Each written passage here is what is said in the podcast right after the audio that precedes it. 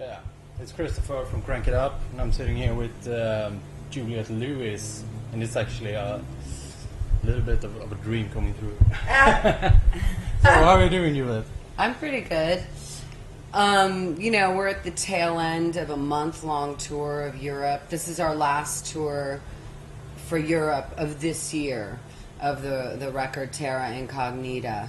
So we'll we'll come back again next year. But you know, when you're out for a month, everybody's a little bit tired. We're but uh, the Malmo show last night was was really great. It was a lot of uh, I, I didn't expect the audience to be so wild, actually. No? Yeah, like energetic, and there were a lot of derby girls there. Do you know roller derby? Yeah, I know.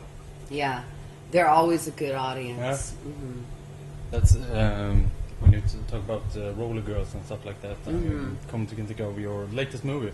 Yeah, that saw, movie I uh, did. Whip, whip it. Whip it. Yeah.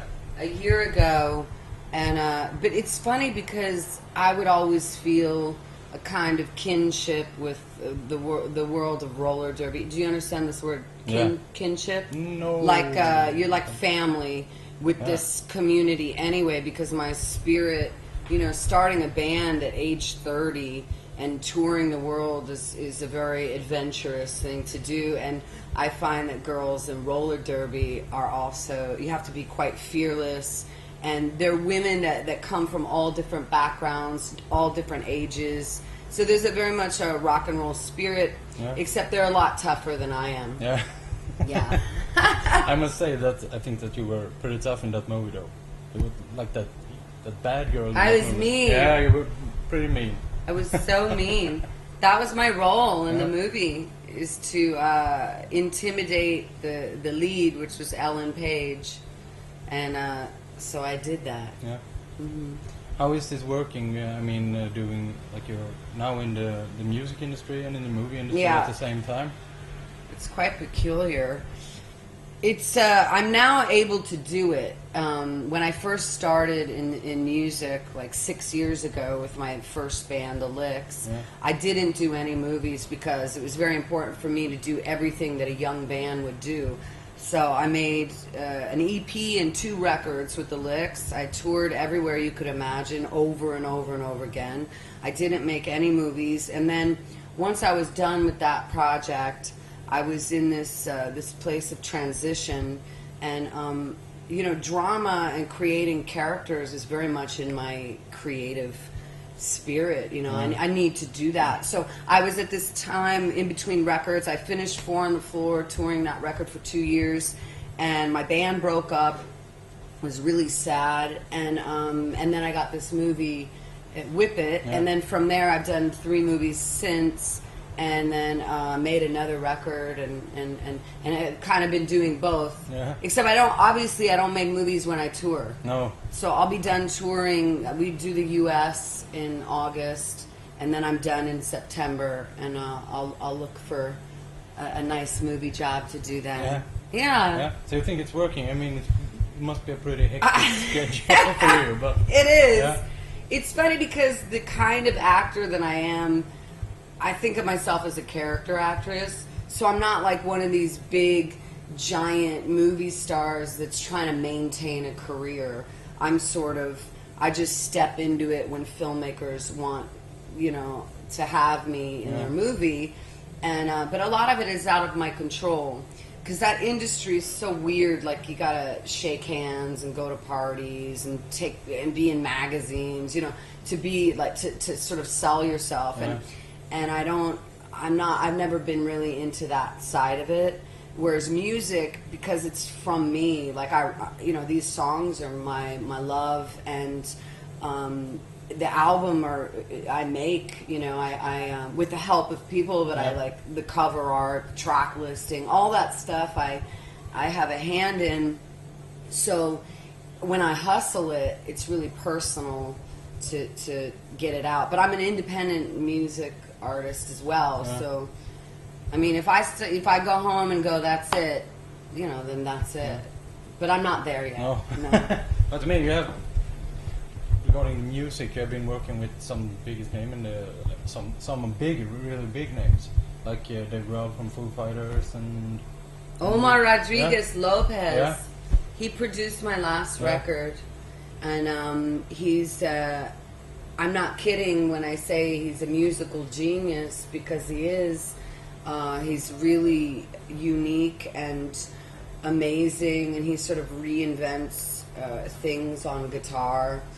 Um, but of course, my record is is uh, I wrote I wrote some songs on piano, and I wrote with my friend Chris Watson, who's in my band now. Yeah. And so it's the first time I put a band together with a friend. All right. Yeah, after we made the record.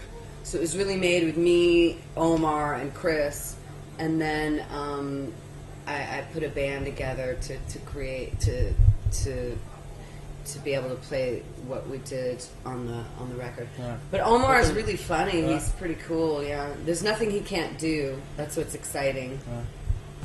What's the main main difference be- between being with the old band and the new band, so to speak?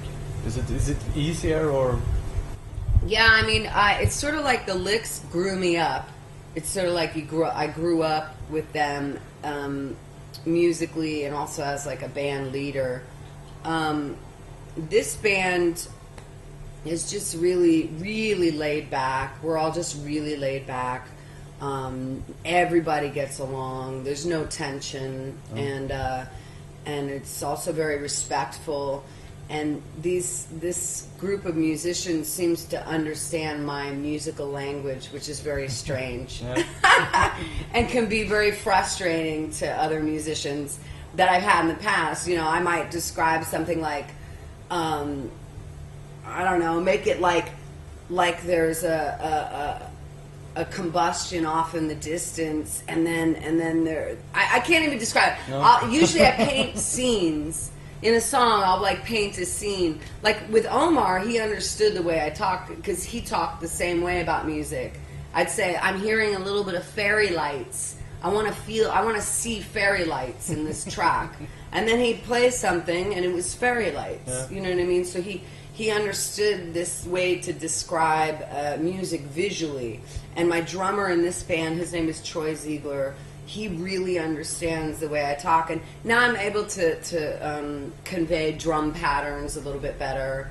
You know, because it's most musicians aren't really academically trained so when you're when you're relaying what you want it's through sound you're like a bunch of cavemen describing what you're hearing or seeing you know but uh, the the licks I love to death in the sense that what we were was it was a really really tough muscular rock band you know? And um, this band is very different.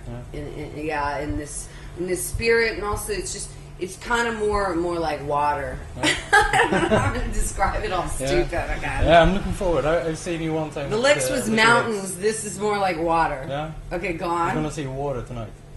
Yeah, Yeah? yeah, but a nice tumbly ocean, you know, with big waves. Yeah? Uh huh. That sounds But it soothes you too. But it could rough you up and take you to the bottom. All right. that sounds great. it's been a pleasure talking to you, and uh, I wish you good luck with uh, the music and uh, all the movies and everything right. in the future. And uh, if you have something, some It's last over. kind words to say, Oh, I guess I. I tell everybody if anybody's ever interested uh, to go on that the Facebook or MySpace because that always ha- lists tour dates. Yeah.